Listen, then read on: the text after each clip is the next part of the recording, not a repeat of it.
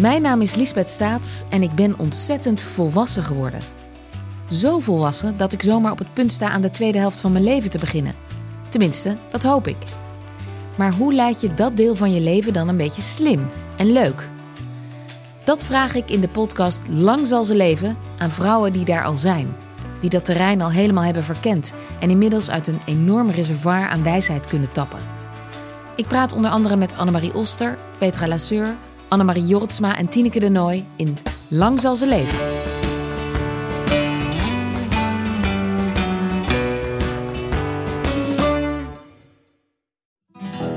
Dit is Gonzo. De podcast waarin we praten met journalisten over dat ene verhaal in hun carrière dat ze altijd is bijgebleven. Dat kan zijn omdat het een scoop was, omdat het opzienbarend was of gewoon omdat het een goed verhaal was. Mijn naam is Merel Westerik. Tegenover mij zit Frans Lomans. Frans, even de kaders.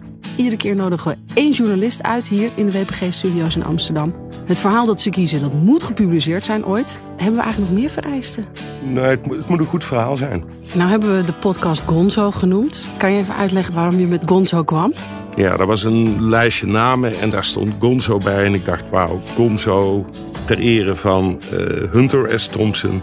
Een van de meest beruchte journalisten uit de geschiedenis. Een Amerikaan die in de jaren 60 en 70 waanzinnige verhalen schreef.